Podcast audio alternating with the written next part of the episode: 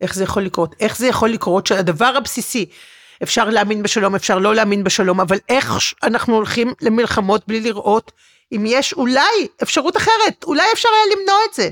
אנחנו הולכים לגן, אה, בודקים אה, עשרה גנים, איזה גן הכי טוב לילד שלנו, איזה צעצוע הכי חינוכי, ואנחנו נותנים לילדים שלנו ללכת לצבא, כשאין מי שמסתכל, אולי אפשר למנוע את המלחמה הזאת?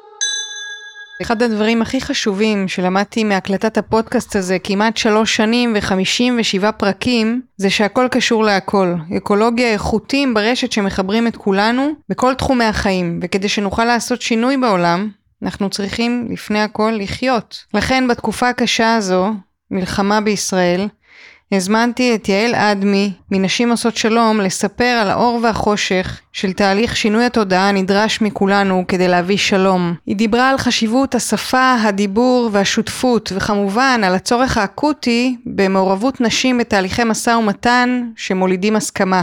רגע לפני שנתחיל, מזמינה אתכם לעקוב אחרי הפודקאסט כדי לקבל תקווה והשראה ולהיזכר שהכל אפשרי ובידיים שלנו. אפשר גם להצטרף לקבוצת הפודקאסט בפייסבוק, בה אני מפרסמת סיפורים מאחורי הקלעים ושולחת לעוד הפניות מעניינות. פרק 57 בפודקאסט סיפור ירוק בחסות עמותת שינוי אקלים, פתיח ועפנו.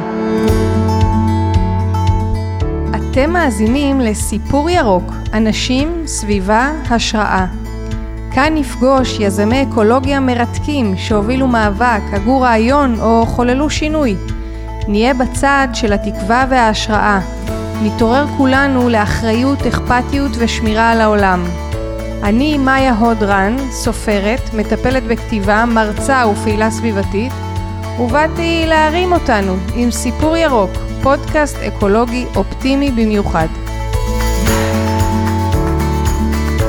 אז היי, ליעל אדמי ממקימות ומובילות נשים עושות שלום. היי היי. אז בתקופה הזאת חשבתי על הקשר בין אקולוגיה לכל שאר תחומי החיים, ורציתי לשאול אותך, איך התחלת? איך הגעת לנשים עושות שלום? התחלתי בגיל 12. הייתה מלחמת התשה, הייתי בת 12. אח שלי, סגן ישי רון, אה, מפקד מוצב בתעלה, נהרג. על הקבר שלו אני הבטחתי להורים שלי שאני אעשה להם הרבה נכדים, הייתי בת 12, שיהיה להם שמח בלב ושאני אעשה שלום. כי אי אפשר שאימהות קוברות את הילדים שלהם, ואי אפשר שאהבה גדולה כמו שהיה בינו ובין דפנה שהם עמדו להתחתן לא תתממש. זה לא סביר. אה, ומאז אני במשימות האלה. עומדת בהבטחתך? מנסה, עושה כל, שיכול, כל שביכולתי, שזה בימים האלה זה ציר מרכזי בתחושות שלי, כאילו הידיעה שאני עושה כל שביכולתי. זה טיפה מרגיע, אבל לא מספיק, כי ימים קשים, אבל יש פה איזושהי תחושה של לקחתי שתי משימות ואני עושה כל מה שאני יכולה כדי לממש אותם. אה, בענייני הילדים הצלחנו מצוין, יש לנו שישה ילדים. וכרגע עשרה נכדים. הדבר הנורא הוא שאימא שלי, למרות שמאוד רציתי שהיא תשמח, לא הצליחה, והיא מתה מצער. ו... כמה שנים אחרי? זה התחיל מהמחלה אחר כך, עוד קצת לקח עוד ועוד כמה שנים ובסוף התפרקה, למרות ניסיונות גדולים מאוד לייצר משהו שהוא כן נותן תוכן, הייתה מורה לתנ"ך, חוגי תנ"ך שעשו אצלנו בבית, מדוד בן גוריון ועד אה, נחמה ליבוביץ', כולם שנים של אה, עשייה בבית, שנתנה לכולנו משמעות וכנסים ביום השנה ישי נהרג בשמחת תורה שהפך להיות השנה אירוע בלתי ניתן לתפיסה ולהבנה. דברים ודברים טובים אבל כל הדברים האלה לא לא אפשרו לה למצוא את היכולת להמשיך. וכשהיא נפטרה מצאנו אחרי איסורים רבים רבים מצאנו שקית תחומה שירים שהיא כתבה שלא ידענו, ועל השקית היה כתוב תקוות ומשברי לב, והיה מחוק וכתוב משברי לב ותקוות. זהו, אז זה הסיפור שלי, במיוחד בימים האלה. משברי לב רבים, רק לחשוב על כמה משברי לב התווספו בחודש האחרון, נורא נורא נורא קשה. ליד זה יש גם את התקוות, וזה המשימה שאני עסוקה בה יום יום, להביא גם במצב הקשה מאוד הזה איזושהי תקווה, ויש לי תקווה גדולה. יש לי תקווה גדולה, אני בשבת בבוקר, בשביעי באוקטובר, שבת הארורה ההיא, כשעוד לא חלמתי בכלל מה, מה יהיה פה, אף אחד מאיתנו, אני חושבת, לא העז בכלל לדמיין דברים מפלצתיים כאלה. כתבתי פוסט, כתבתי בו, לצערנו, היינו זקוקים למלחמת יום כיפור כדי להבין שעדיף שלום. הלוואי שמהדבר הנורא שקורה לנו עכשיו גם יזוז משהו. ולשם אני ממשיכה להוביל את המחשבות שלי ואת העשייה שלי. אני חושבת על הבחירה הזאת, העבודה הזאת, של להביא אנשים לחשוב או להאמין בשלום, קודם כל שזו עבודה תודעתית כל כך אה, קשה, כן? שההרגל שלנו, שהאוטומט שלנו הולך, במיוחד בארץ המדממת הזאת, למקומות כאלה, אז אה, נורא מעניין אותי מאיפה את שואבת אה, השראה. השראה נובעת משני מקורות, אחד של המשברי לב, של ההבנה העמוקה, אני ראיתי את זה מקרוב מאוד מאוד, מה המשמעות, מה המשמעות של המלחמות. זה מחיר, מי שיודע, יודע. ואני לא יכולה לחשוב בכלל על מה מתמודדות עכשיו משפחות אומללות. פשוט מי שיודע את המחיר הזה, אין מחיר, אין משהו בעולם, בעולם כולו ששווה את המחיר הזה. אימא שקוברת ילד, סבתא שקוברת נכד, אין, אין שום סיבה בעולם שזה יקרה. אז קודם כל מהיכרות מאוד אינטימית וקרובה של המחיר, והתקווה באה מזה שסכסוכים גדולים ומרים לא רוצה לעשות תחרות, אבל לפחות כמו שלנו, ארוכים ומרים, נפתרו. נפתרו כי אנשים האמינו ופעלו ועשו כל מה שהם יכולים כדי שזה יקרה. ומשברים עצומים ונוראיים, שנים של סבל שעמים עשו אחד לשני, הסתיימו. וזה יכול לקרות גם כאן, אני משוכנעת שזה יכול לקרות גם כאן. ואני גם משוכנעת שלא נעשה מספיק כדי להביא את הדבר הזה, וזו המשימה ש... אני שותפה אליה. בימים הקשים האלה אני מרגישה שזה עוד יותר נחוץ. כי כל כך קשה להגיד, טוב, אין סיכוי, זה כל כך נגיש, זה כל כך הגיוני לכאורה, הנה, יש לנו פה הוכחות שאין מה לעשות. ואני אומרת אותו דבר, אבל להפך. ככה זה נראה כשלא מוצאים פתרון. ככה, ככה, זה הגהנום זה הגיהנום שאין לי, אומרים חיות אדם, אני לא רוצה להגיד חיות אדם, אני טבעונית, מה פתאום חיות לא עושות דברים כאלה? מה זה הדברים האלה?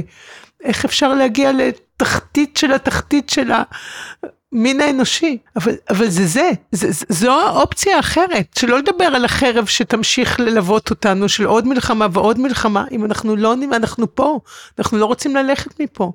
אם אנחנו לא נמצא את הדרך, ויש דרך, לדבר עם המתונים, ויש הצעות קונקרטיות שלא דנו בהן אפילו, לא השקענו את מה שנחוץ ונכון בחשיבה אסטרטגית, בחשיבה אנושית, אחראית, שאנחנו מחויבים אליה. איך למצוא דרך לחיות פה בשלום, לחיות פה בשקט עם השכנים שלנו. אז בואי תספרי באמת על נשים עושות שלום, איך קמה התנועה הזאת, אה, למה הלכתם דווקא לכיוון נשי? אני אגיד שאני, כמו שסיפרתי, פעילה מאז שעמדתי על דעתי, בכל מקום שנראה לי שיש בו איזשהו זיק ש... יכול להשפיע, להביא תקווה לשינוי המציאות. ובין השאר הייתי גם יושב ראש של פורום משפחות שכולות ישראליות פלסטיניות. מתוך התרגשות והוקרה לאנשים אצילי הנפש, זה האנשים היחידים שאני קוראת להם קדושים בעולם המושגים שלי. אנשים שעברו באמת את הנורא הזה של לאבד קרובי משפחה, מלחמות הארורות האלה. והם מוצאים את הכוח לדבר על שלום, על פיוס, זה, אין, זה, זה, זה התקווה שלי במין האנושי. ולכן אני נרתמתי לתת את מה שאני יכולה לארגון המופלא הייחודי הזה. אז את היית... וגם את... הייתי היושב ראש, כן. לפני תשע שנים בדיוק הייתי אה, בתפקיד שם של יושב ראש הוועד המנהל, אני מביאה הרבה ניסיון ניהולי, אני עבדתי. אז למי שלא יודע, אולי תגידי כמה מילים על פורום המשפחות השכולות. פורום המשפחות השכולות זה ארגון שקם לפני 25 שנה על ידי אה, אנשים טובים, המייסד זה יצחק פרנקנטל שאיבד את בנו ואמר לא רוצה נקמה, לא רוצה להמשיך ולמרר את חיי האנשים שסביבי ושגרים פה לידינו, חייבים למצוא קול משותף של ישראלים ופלסטינים שאיבדו את בני משפחתם הקרובים ולא מוכנים לשתף פעולה עם מעגל הדמים הארור והאכזרי הזה.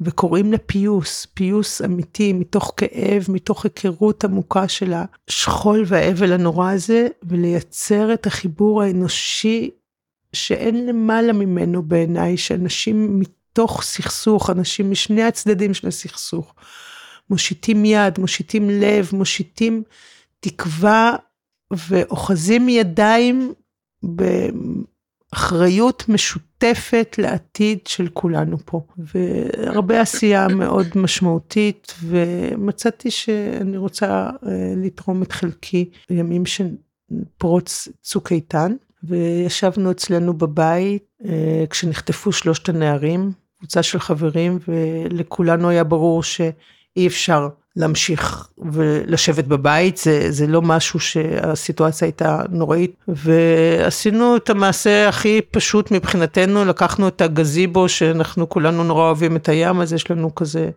גזיבו נחמד של שפת הים, ופשוט העמדנו אותו ברחבת הסינמטק של תל אביב, אמרנו אנחנו פה, אנחנו פה כדי לדבר, כדי להקשיב, כדי להשמיע, אה, כדי לאפשר איזשהו מרחב שאפשר אה, לדון בו על דברים שהם לא עוד ועוד מלחמות. תחת הכותרת של הפורום, זה לא ייגמר עד שנדבר. ביום הראשון של צוק איתן נולד הנכד הבכור שלנו, ואני חושבת על התקופה הזאת, כמה דברים גדולים וקרו בעולם מאז מבחינתי הנושא של הקמת נשים עושות שלום הוא אחד מהם.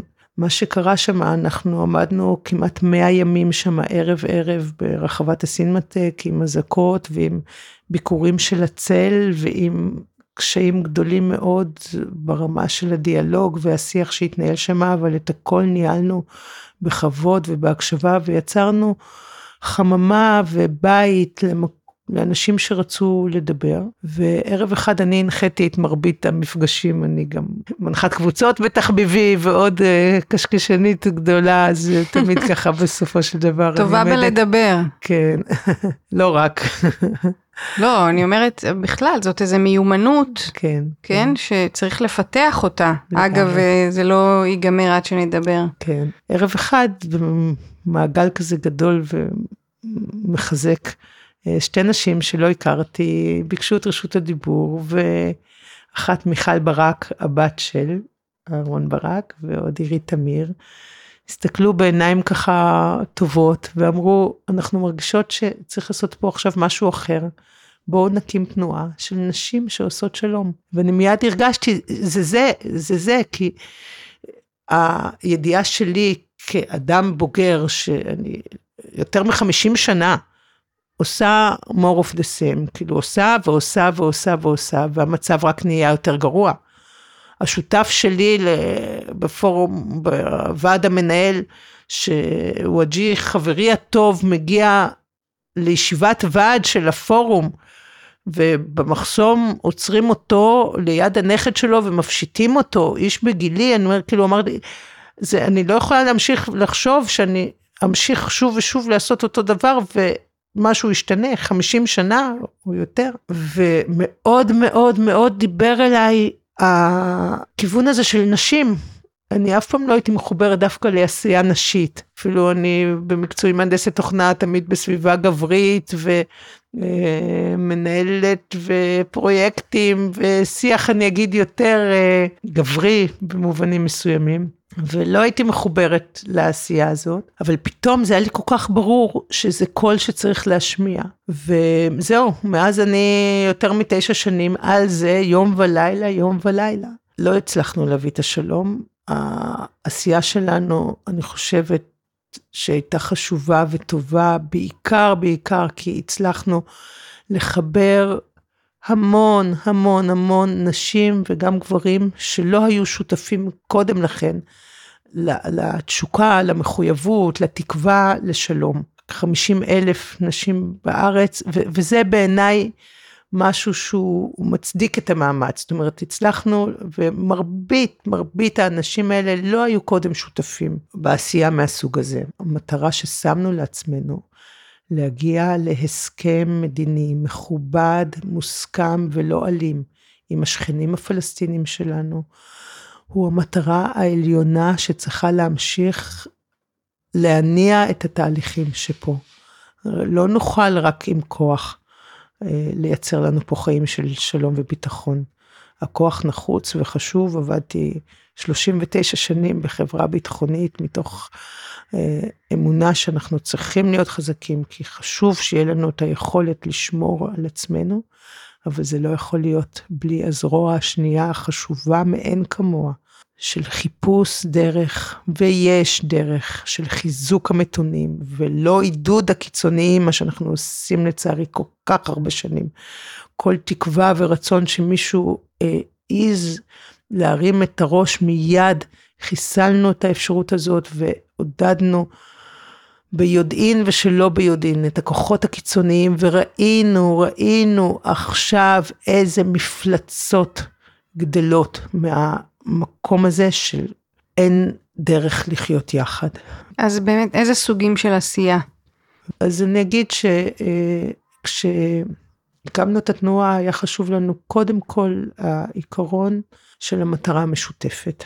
אני, יש לי דוקטורט בפילוסופיה, אז אני אוהבת אה, להגיד שזה בעיניי מהלך פילוסופי עמוק שעשינו, כאילו לנסות ולזקק מה באמת המכנה המשותף העמוק העמוק העמוק שאנחנו רוצים להביא לתוך השיח הציבורי ולכל המהלכים הפוליטיים. ומצאנו שהדבר שמחבר את הקבוצות הרבות של האנשים שרצינו להגיע אליהם ושלנו בתוך המגוון שקיים בתוכנו, זה ההבנה העמוקה שבלי הסכמה במובן של הסכם של דיבור, של אחריות משותפת בינינו ובין הפלסטינים, לא נצליח לחיות פה בשלום. לא נצליח לגדל פה ילדים שיוכלו לבנות עתיד ולא לפחד ממה שמצפה להם. והמונח הזה של הסכמה הפך להיות המטרה המרכזית של התנועה שלנו. הסכם מכובד, מוסכם, חידדנו את זה שוב, ולא אלים בינינו ובין השכנים הפלסטינים שלנו. אני בעת הזו אומרת כמובן שהחמאס שהוציא את עצמו בזידוניות ממשפחת העמים, הוא, הוא, הוא, אנחנו לא מדברים, הם לא הפלסטינים, הם כוחות רשע שהם לא שותפים לשום מהלך מהסוג הזה כמובן. אבל אנחנו יודעות, יודעות היטב שיש הרבה מאוד פלסטינים שהם כמונו שואפים וחולמים לחיות פה בשלום ואפשר למצוא פתרונות. יש ים של פתרונות שמונחים שלא הזזנו, לא, לא הרמנו את האבן שהם מונחים מתחתיה. אז זה קודם כל היה לנו חשוב לנסח שזה המשותף שלנו. ועוד דבר שאמרנו, אנחנו לא רוצות לדון בשום אופן בסוג של ההסכם. כי אנחנו מונחים, אפשר, מונחות אפשרויות שונות. אבל אנחנו לא רוצות לדון בהם וגם לא להחליט מי מהן עדיפה, גם כי אה, יש מחלוקות, אפשר ככה ואפשר ככה, ואנחנו לא רוצות להיכנס למקום הזה. אנחנו לא רוצות, כי זה גם מפריד ומפלג אותנו בתוך עצמנו. אנחנו אומרות שכל פתרון שיהיה בו את המרכיב המרכזי הזה של הסכמה, הוא מקובל עלינו. זאת אומרת, אם יש דיבור, זה אומר שיש אחריות משותפת. אז זה הדבר הראשון. הדבר השני שהחלטנו שאנחנו לא מפלגתיות, אנחנו לא מוכנות לשתף את הקולות האלה בתוך מפלגה זו או אחרת, מכיוון שהמפלגות בנשמתן הן מפלגות. כי הן מחדדות את העמדות והן מביאות קולות שונים בתוך מסגרת פוליטית, שזה חשוב. אני גם פעילה במפלגה. שאני מרגישה שייכת אליה הרבה שנים, אבל תנועת נשים עושות שלום היא תנועה לא מפלגתית בהגדרתה. כן. והדבר הנוסף שהיה לנו נורא נורא חשוב להגיד אותו, זה החשיבות של מגוון קולות. זאת אומרת, לאפשר למגוון קולות להיות חלק מהשיח. מה שהרגשנו שהיה חסר לאורך השנים בשיח הזה על השלום. אנחנו מתאמצות מאוד, יש לנו המון חברות נהדרות ערביות, יש לנו גם חברות מתנחלות, בעת הזו זה עדיין, כמו תמיד, גם הערביות וגם המתנחלות וגם מהפריפריה, תמיד תמיד זה שיח קשה ומאתגר, בימים האלה אנחנו מתמודדות עם מורכבויות ואתגרים מאוד מאוד קשים, אבל אנחנו משמרים על, אנחנו משמרים על המסגרת הזאת גם במחירים אה, לא פשוטים, גם השפה שלנו. ספרי על איזה מחלוקת כזאת, על איזה מורכבות כזאת. עכשיו כן. אנחנו בהתמודדות קשה מאוד מאוד עם החברות הערביות שלנו, שחוות מצד אחד המשפחות שלהם בעזה, זה בלתי נתפס בכלל איך אפשר להחזיק את שתי הזהויות האלה במקביל. מצד שני פה בארץ התנכלויות גזעניות וקשיים ביום יום, מפחדות לדבר ערבית, פיטורים, ביטויים בלתי אפשריים. ותחושת רדיפה יומיומית, מאוד מאוד קשה, ובתוך זה להמשיך ולהאמין. ואני רוצה להגיד על החברות הערביות שלנו, ופה אולי לספר על הדבר בעיניי הכי משמעותי שקרה לנו בתנועה בשנים האחרונות. אנחנו לפני כארבע שנים הבנו שהקול הזה שאנחנו משמיעות אה, חייב לקבל הדהוד ושותפות מהצד השני. והתחלנו לייצר דיאלוג עמוק ואימהי ונשים שותפות פלסטיניות מהגדה. ולאורך שנה ישבנו יחד בשיח עמוק כדי לברר יחד איתם מה משותף לנו, מה אנחנו יכולות להגדיר כמטרה משותפת שלנו, נשים משני צידי הסכסוך, משני צידי הגבול. ואת העשייה הזאת אנחנו עשינו במחויבות עמוקה כדי לדעת שאם אנחנו לא נצליח למצוא את החיבור הזה, אז זה באמת משימה שאולי אף אחד לא יוכל לעשות אותה. ועמדנו במשימה הזאת וכתבנו מסמך שנקרא קריאת האימהות. קריאת האימהות שניסחנו יחד אחרי תשעה חודשים של לידה, עם בכי וכאב והבנה עמוקה יותר של כל חברה עם הקשיים שלה. בתוך התהליך הזה היה תפקיד מכריע לערביות הישראליות, שאחד הדברים שממש ממש קשה לנו איתם, איך לאורך השנים ביטלנו, פספסנו, לא אפשרנו לקולות של החברה הערבית להיות שותפים למהלך של עשיית הסכמים ושלום.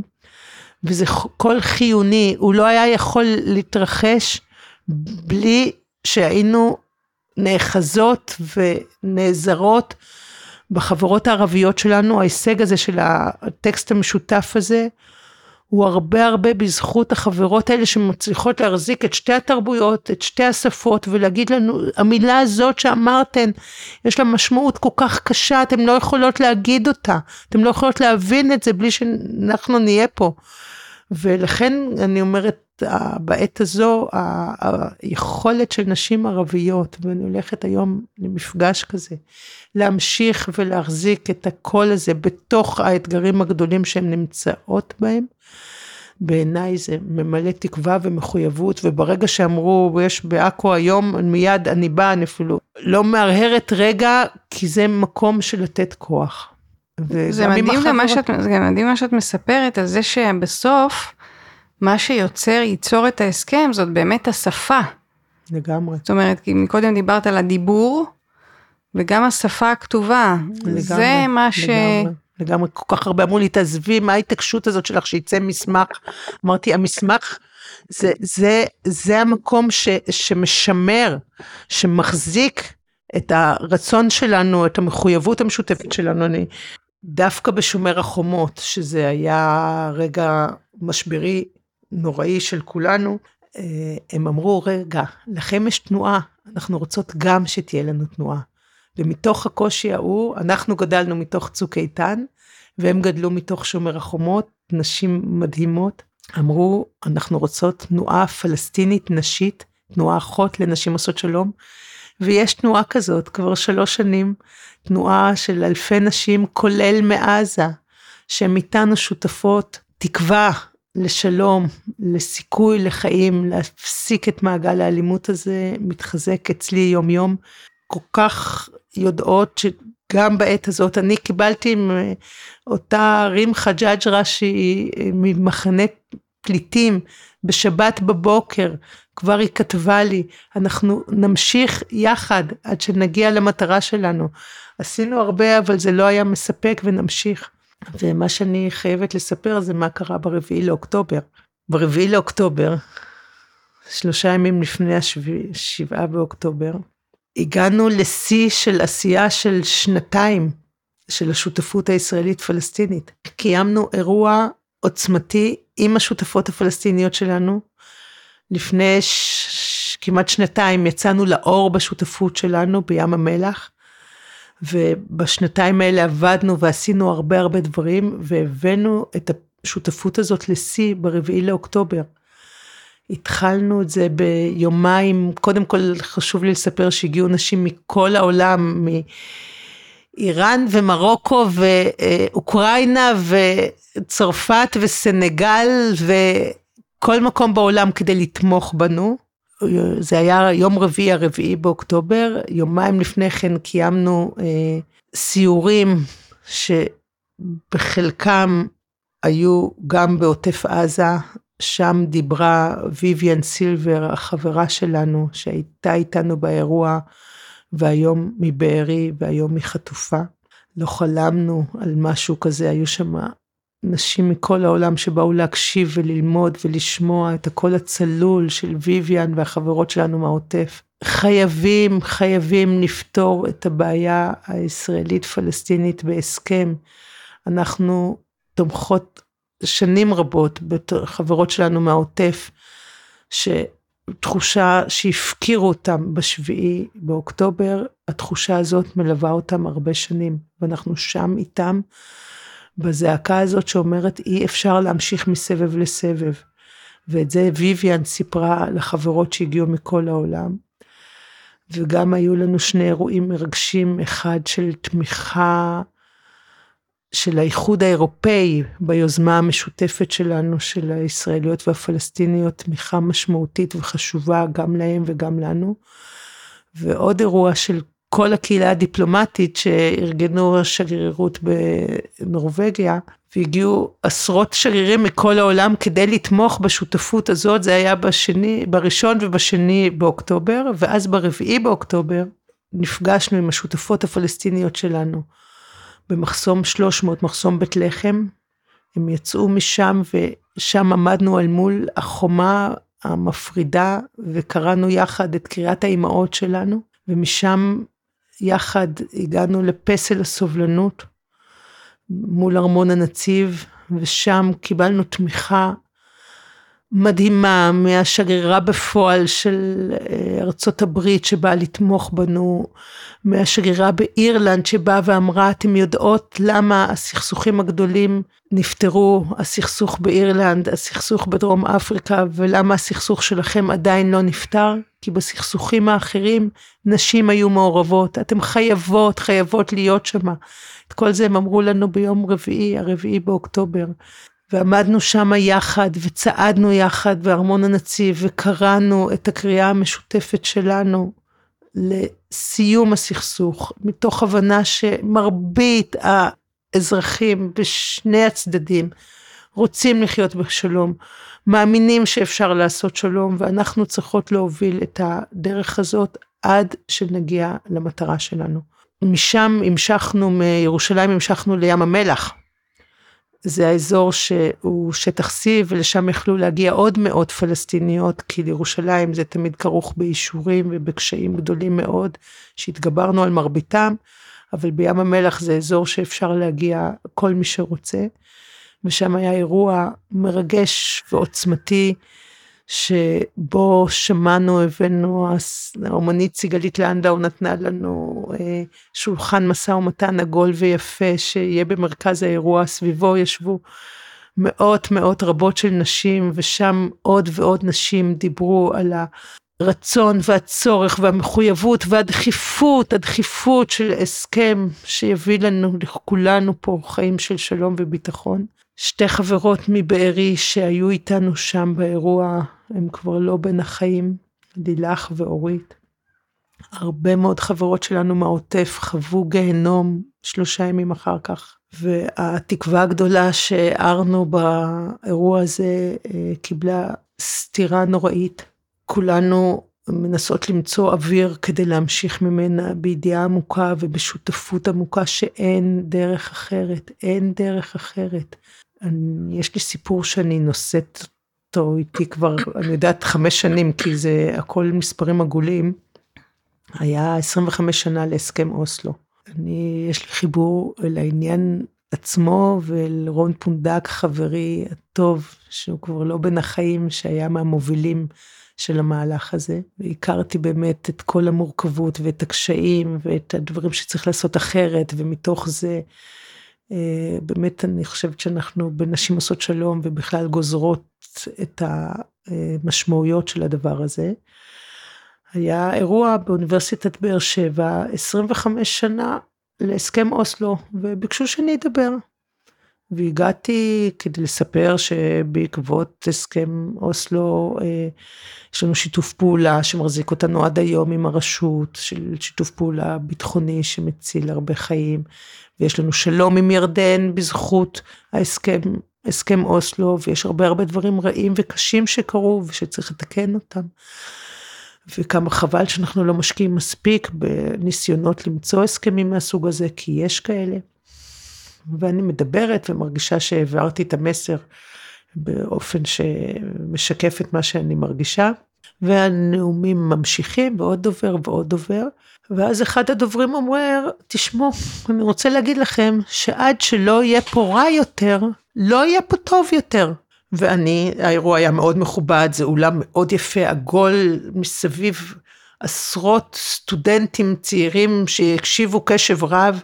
נעמדתי ועצרתי את הדובר ואמרתי לו, זה מה שאתה מאחל לאנשים האלה פה שמביטים בנו עכשיו, שבאו להאזין בנו, לנו? תלך ותצביע לי.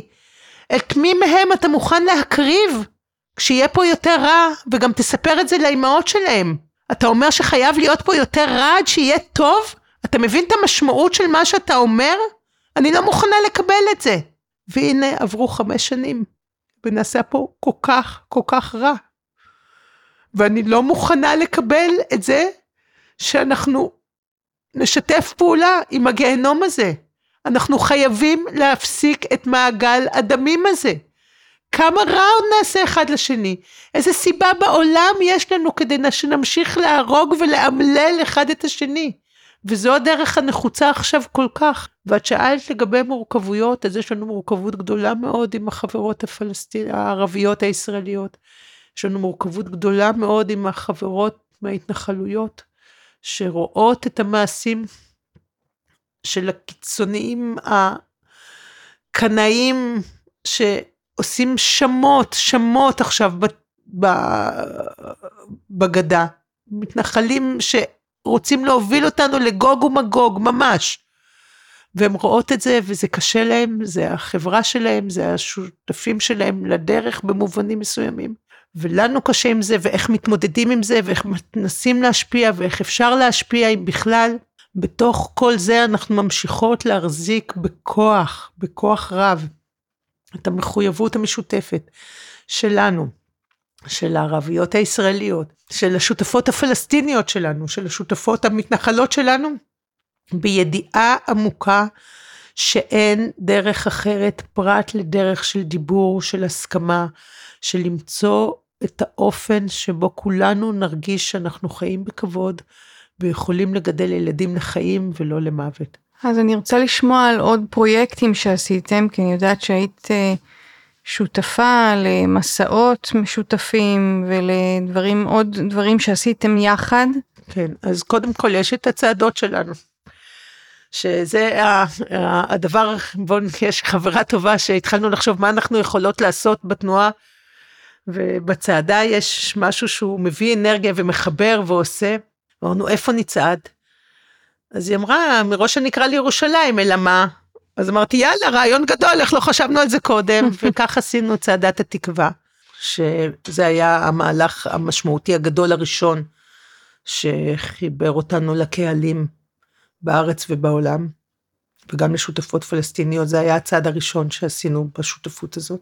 מה זה, צק של כמה ימים הצעדה, או איך זה? כן, כן, זה היה מסע ארוך מראש הנקרא לירושלים ברגל. פשוט צעדנו והצטרפו אלינו עוד ועוד ועוד ועוד אנשים, הגענו לירושלים, עברנו דרך אה, ים המלח כדי לאפשר לפלסטיניות, אלפי פלסטיניות להצטרף אלינו, ומשם עלינו לירושלים בקריאה גדולה, שאנחנו הנשים רוצות להביא שינוי, זה היה הרגע הכי אה, משמעותי שלנו בבנייה של התנועה, כי הצלחנו באמת גם מבחינה תקשורתית וגם מבחינה ציבורית, להשמיע קול מאוד ברור ונחוץ בעת ההיא. רגע, סליחה שאני מתעסקת בעניינים הטכניים, אבל איך, איפה ישנתם, איך, אה, מה, איך זה קורה בפועל? מאוד פשוט. אנחנו אומרים, מי רוצה לארח אותנו, ומיד מתמלא. באמת? מקומות, וכן, זה היה פשוט מחזה. וואו. אני זוכרת את השוטר, התחלנו במוצאי ראש השנה בראש הנקרה. ואני דיברתי עם המשטרה ואמרתי להם, תשמעו, הכרזנו, כתבנו שאנחנו מתחילות צעדה. כמה אנשים יבואו מוצאי ראש השנה בראש הנקרה? כמה יבואו? יבואו מאה? הלוואי, מה? בסדר, דיברתי עם השוטר מאה, ואנחנו שם מתחילות. ופקקים מטורפים, ומאות מאות מאות מאות של נשים שם קיבלנו, אני גם קיבלתי באופן אישי וכל כך התרגשתי את uh, לפיד מהאנשים שהם השראה בשבילנו ארבע אמהות, שאני גם הייתי שותפה בזמנו למאבק, אבל המובילות שלהם נתנו לנו את הלפיד ואמרו קחו, ואת הלפיד הזה הבאנו לירושלים, וכל יום היה הפתעה מרגשת יותר ויותר מה... החיבור הזה גם נולד השיר תפילת האימהות של יעל דקלבאום, מהחיבור הנשי האימהי הזה, שרק עכשיו היא סיפרה לי שיש עוד שבעה מיליון צפיות בעת הזו של השיר המופלא הזה, והיא איתנו שותפה וממשיכות. וצעדנו והמשכנו במקום של הליכה מחויבת, אני תמיד צוחקת כי אני מרגישה שעשיתי את הדרך הזאת פעמיים, כי גם הייתי הולכת וגם הייתי רצה כדי להספיק לצלם כל הזמן, אז רצה קדימה ואחורה ולא, כלום לא כאב לי ושום דבר, והיה רק עוד ועוד אנרגיה. וכל יום זה גדל ותפח והפך להיות קול גדול, ואחר כך אחרי שנה עשינו את מסע השלום שבאנו מהדרום, מהעוטף, לספר על המצב הזה, אני לא מאמינה כמה שנים, ולאורך כל השנים עשינו, יש אה, ב-2018 אלוהים ויויאן עמדה שם, עשינו אירוע בתוך השדות השרופים, ויויאן שעכשיו יעזור אלוהים שישמור עליה, או שמישהו ישמע את הזעקה של החטופות והחטופים והילדים והמבוגרים, פשוט נורא. עמדנו שם ואמרנו אי אפשר, עמדה איתנו מוניקה שאיבדה את בנה עידן באסון המסוקים ואמרה הילד שלי כבר לא פה בואו נדאג לילדים שלכם ואמרה די כמה אפשר עוד להילחם ולעשות עוד ועוד בלי לחפש ערוץ של דיבור ערוץ של הסכם זה הערוץ היחיד שיכול לתת לנו פה לחיות בשלום. אז יצאנו מסע השלום וגם הגענו לים המלח וגם בנינו אוהל עצום עם שמלה אדירה של תרומה של נשים מכל העולם שאמרו אנחנו איתכם ועשינו את מסע השלום. ומהדברים האלה התחזקנו וחיזקנו באמת את האחיזה שלנו בציבוריות הישראלית ובשטח, יש לנו אחיזת שטח, יש לנו רכזות אזוריות ומבנה מאוד מאוד אה, אמין ומחויב של נשים פעילות בכל הארץ. ואחד הדברים שכיוונו אליו בלי שידענו זה ערוץ שהוא לכאורה שונה, אבל הוא כמובן מייצר כוח נוסף לעשייה שלנו. אני אגיד שקמנו אחרי צוק איתן, והבנו שצריכים להפסיק את הסבבים האלה, עוד לא ידענו בדיוק מה ואיך, אבל שאי אפשר להמשיך לעשות אותו דבר ולקוות למשהו יותר טוב. ואז, אני חושבת משהו כמו שנה, שנתיים אחר כך, יצא דוח מבקר המדינה על צוק איתן.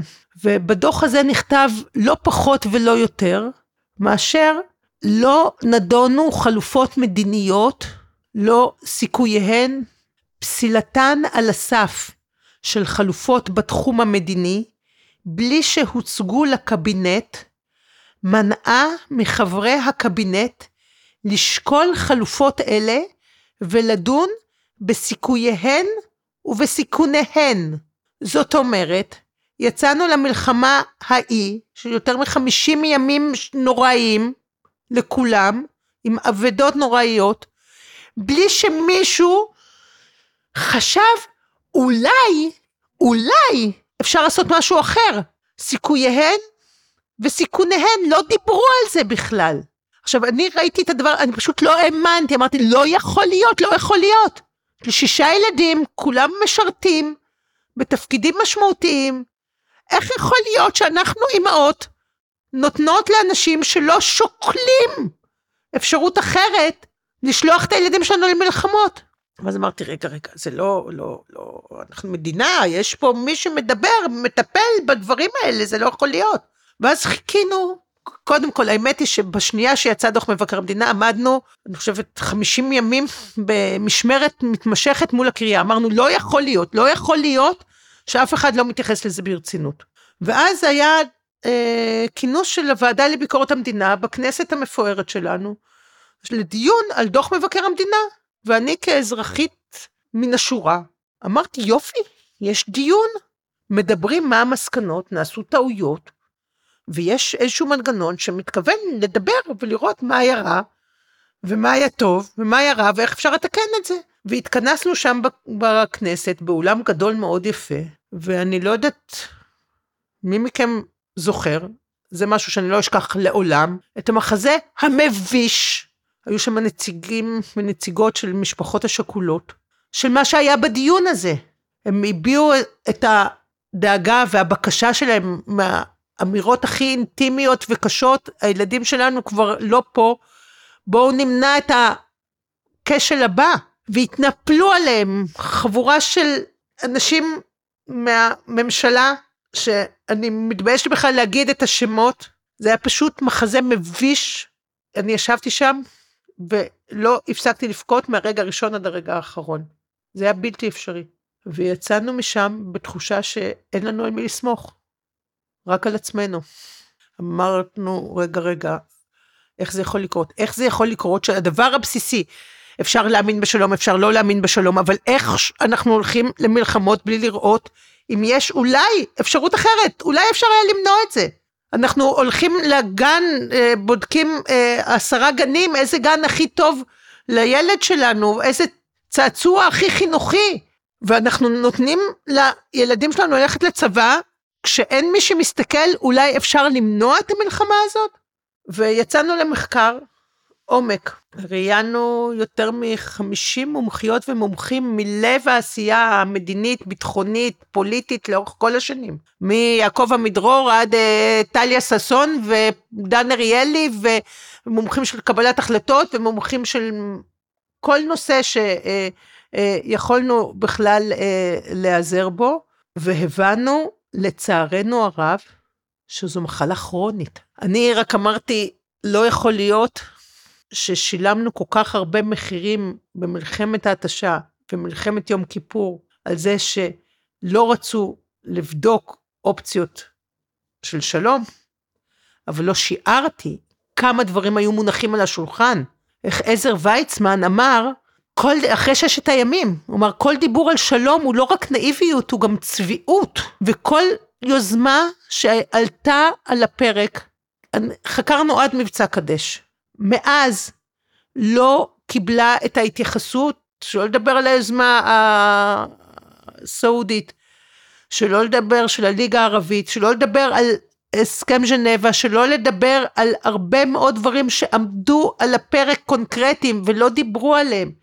אנחנו היינו צריכים את כל מלחמת ההתשה, כולל אימא שלי, כולל אח שלי, כולל עוד אלף חיילים שסיימו את חייהם, את מלחמת יום כיפור הארורה והנוראית הזאת של אלפי אנשים שסיימו את חייהם במשפחות שחרב עליהם עולמם, כדי לקבל את הרעיונות שעלו אחרי ששת הימים. כמה, והכל בגלל שלא נדונו חלופות מדיניות, לא קיבלו את הכבוד הראוי. ואמרנו, זה לא יכול להיות, אנחנו לא מוכנות לשתף פעולה עם הדבר הזה, והבנו שהדרך של להכריח את מקבלי ההחלטות לפעול, זה פשוט לחוקק חוק. לא שזה מבטיח, וזה לפחות נותן איזשהו כלי אזרחי שאתה אומר, יש פה משהו שאתה מחויב לעשות ואתה לא עשית, אז נגיש בג"ץ, נעשה משהו, יש כללים. עבדנו והשקענו וניסחנו בעזרת שותפים נהדרים חוק שיש בו שלושה מרכיבים שהיו חסרים ונחוצים היום יותר מתמיד.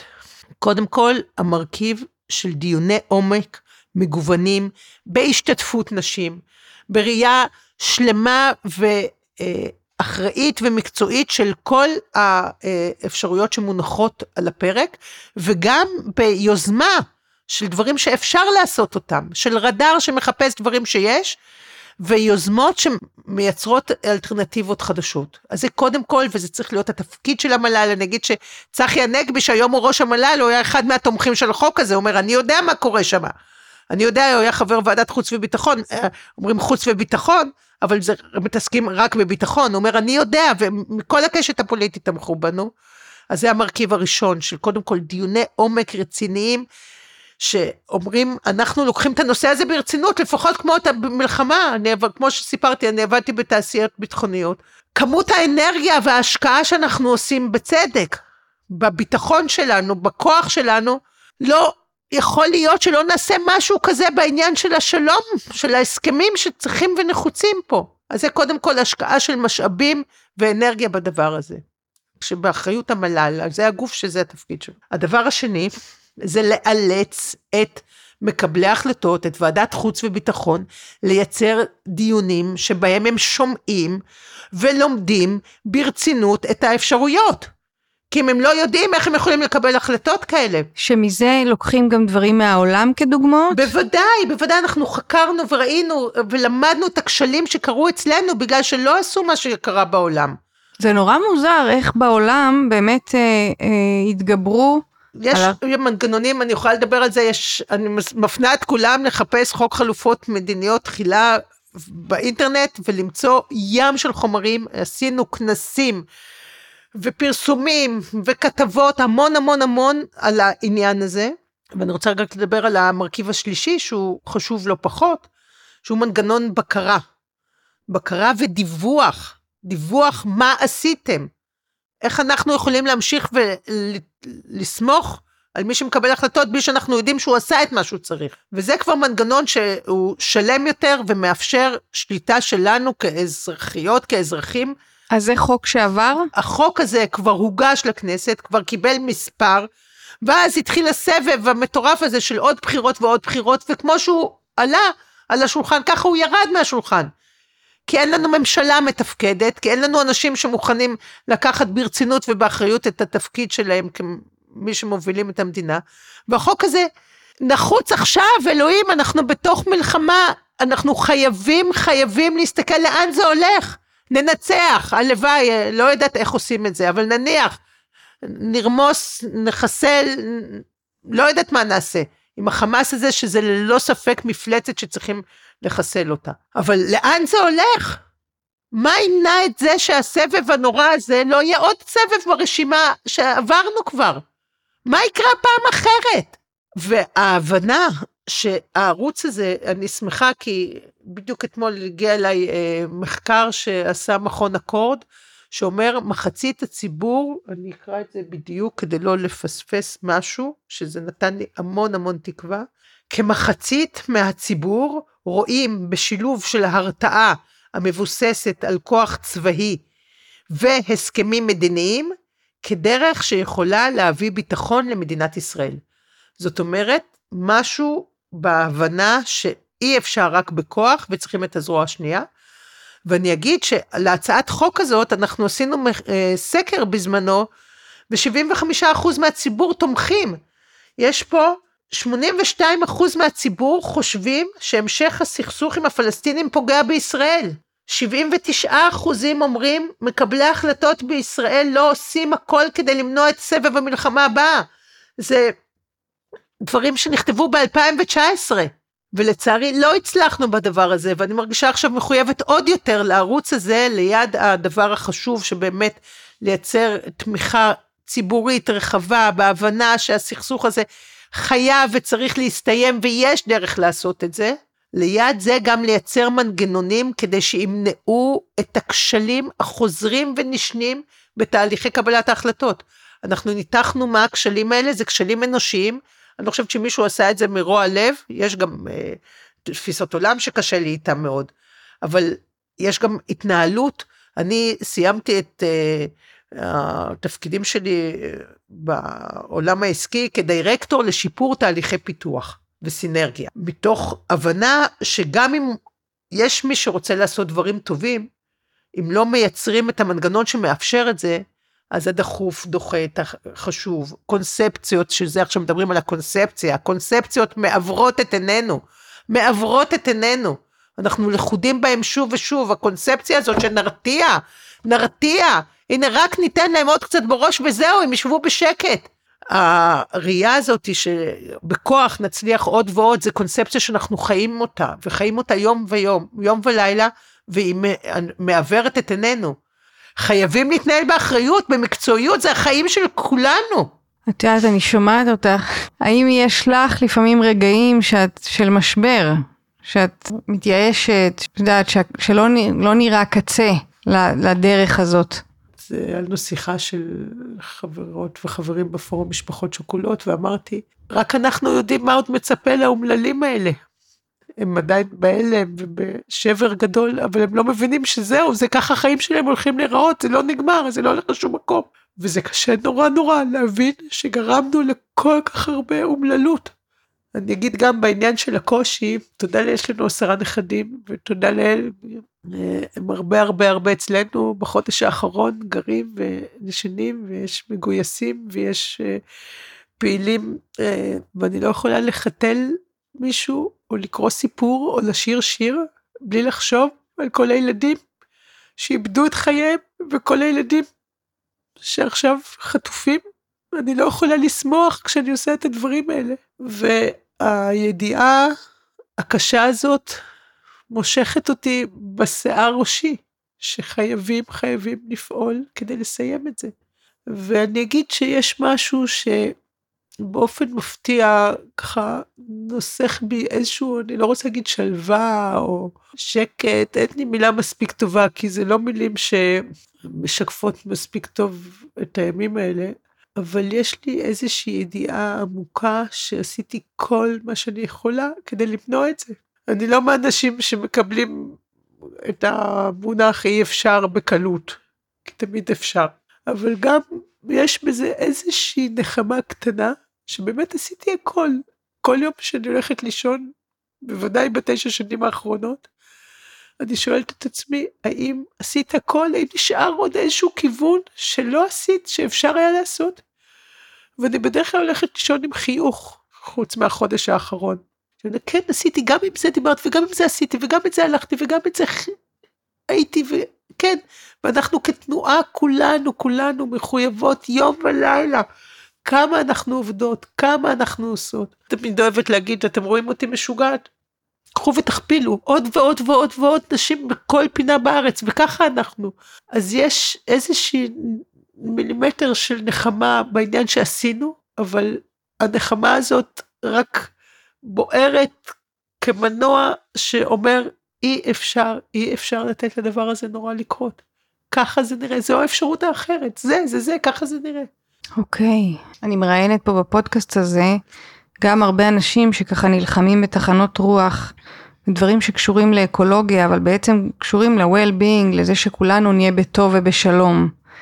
ויש לי אה, פינה בפודקאסט הזה שנקראת תחזית אופטימית, שבה אני שואלת את המרואיינים שלי, אם הכל אה, אפשרי, אה, מה מבחינתך יכול לקרות, מה היית רוצה שיקרה אה, בזמן הקרוב בתחום שלך? בסוף שבוע שעבר השתתפתי בריאיון מוסף של ידיעות למוסף המדיני, רעיון ארוך, והכתב בחר לשים בכותרת שאני מתביישת להגיד, אבל אני אופטימית. אה, אז אני לא מתביישת. לא, אני לא מתביישת להגיד, כי אני חושבת שאנחנו ברגע שיש בו פוטנציאל אדיר, אדיר, לשינוי המצב. יש לנו הסכמה בינלאומית רחבה שהחמאס זה לא האנשים שצריכים להיות חלק מהקולות שיש להם איזושהי לגיטימציה באזור הזה. יש לנו הסכמה אדירה ותמיכה בינלאומית שהרשות הפלסטינית היא הכתובת שצריכים לחזק ולא למוטט כמו שנהגנו עד עכשיו. יש לנו הסכמה אדירה שאי אפשר להפריד בין רצועת עזה והגדה, ואני מקווה שיש גם הסכמה גדולה מאוד, ואני נאחזת במחקר הזה שהגיע אליי אתמול, בתוך הציבור שלנו, שכוח צבאי הוא לא מספיק כדי לייצר לנו פה חיים שאפשר יהיה לחיות אותם. וכל הדברים האלה יחד הם הזדמנות פז. יום כיפור, המלחמה הארורה הזאת, הביאה את השלום. המלחמה הנוראית הזאת תביא את השלום עם הפלסטינים. יש הישג אדיר של השלום עם מצרים. יש הישג אדיר של השלום עם ירדן. אנחנו מחויבים לפתור את הבעיה שיש לנו עם הפלסטינים. כי אם לא נפתור, תרחיש האימים של כל כוחות הרשע בעולם נגד הקיום שלנו פה, זה התרחיש שעלול להתממש. ואני מקווה ומאמינה, ואני יודעת שאני אעשה כל שביכולתי כדי להביא את הערוץ הזה, שמאמין ביכולת שלנו לחיות פה בשלום וביטחון ובכבוד עם השכנים השותפים שלנו, מתוך ידיעה עמוקה שיש לנו פרטנריות, יש לנו פרטנרים בצד השני, אנחנו צריכים לחזק אותם ולהגדיל אותם, את ההשפעה שלהם, כי מה שעשינו כל השנים זה רק להקטין אותם ולצמצם אותם, ולחזק את אלה שאמרו רק בכוח נצליח לעשות פה משהו. קומות שעבד, הפתרון זה היה בהסכמה. הסכמנו עם מצרים, הסכמנו עם ירדן, לאחרונה גם מצאנו הסכמה מקומית עם לבנון. אנחנו יכולים למצוא הסכמה גם עם הפלסטינים. כל מהלך שהוא חד צדדי, שיש בו הורדת אחריות מהשותפות, מהמורכבות, אין לו זכות קיום באזור שלנו. ויש לנו עם מי לדבר, ויש לנו על מה לדבר, ואנחנו מחויבים לעשות את זה עכשיו. ולעניין האקולוגי. מורי ורבי, דב חנין, לימד אותי שוב ושוב כמה הכל קשור להכול.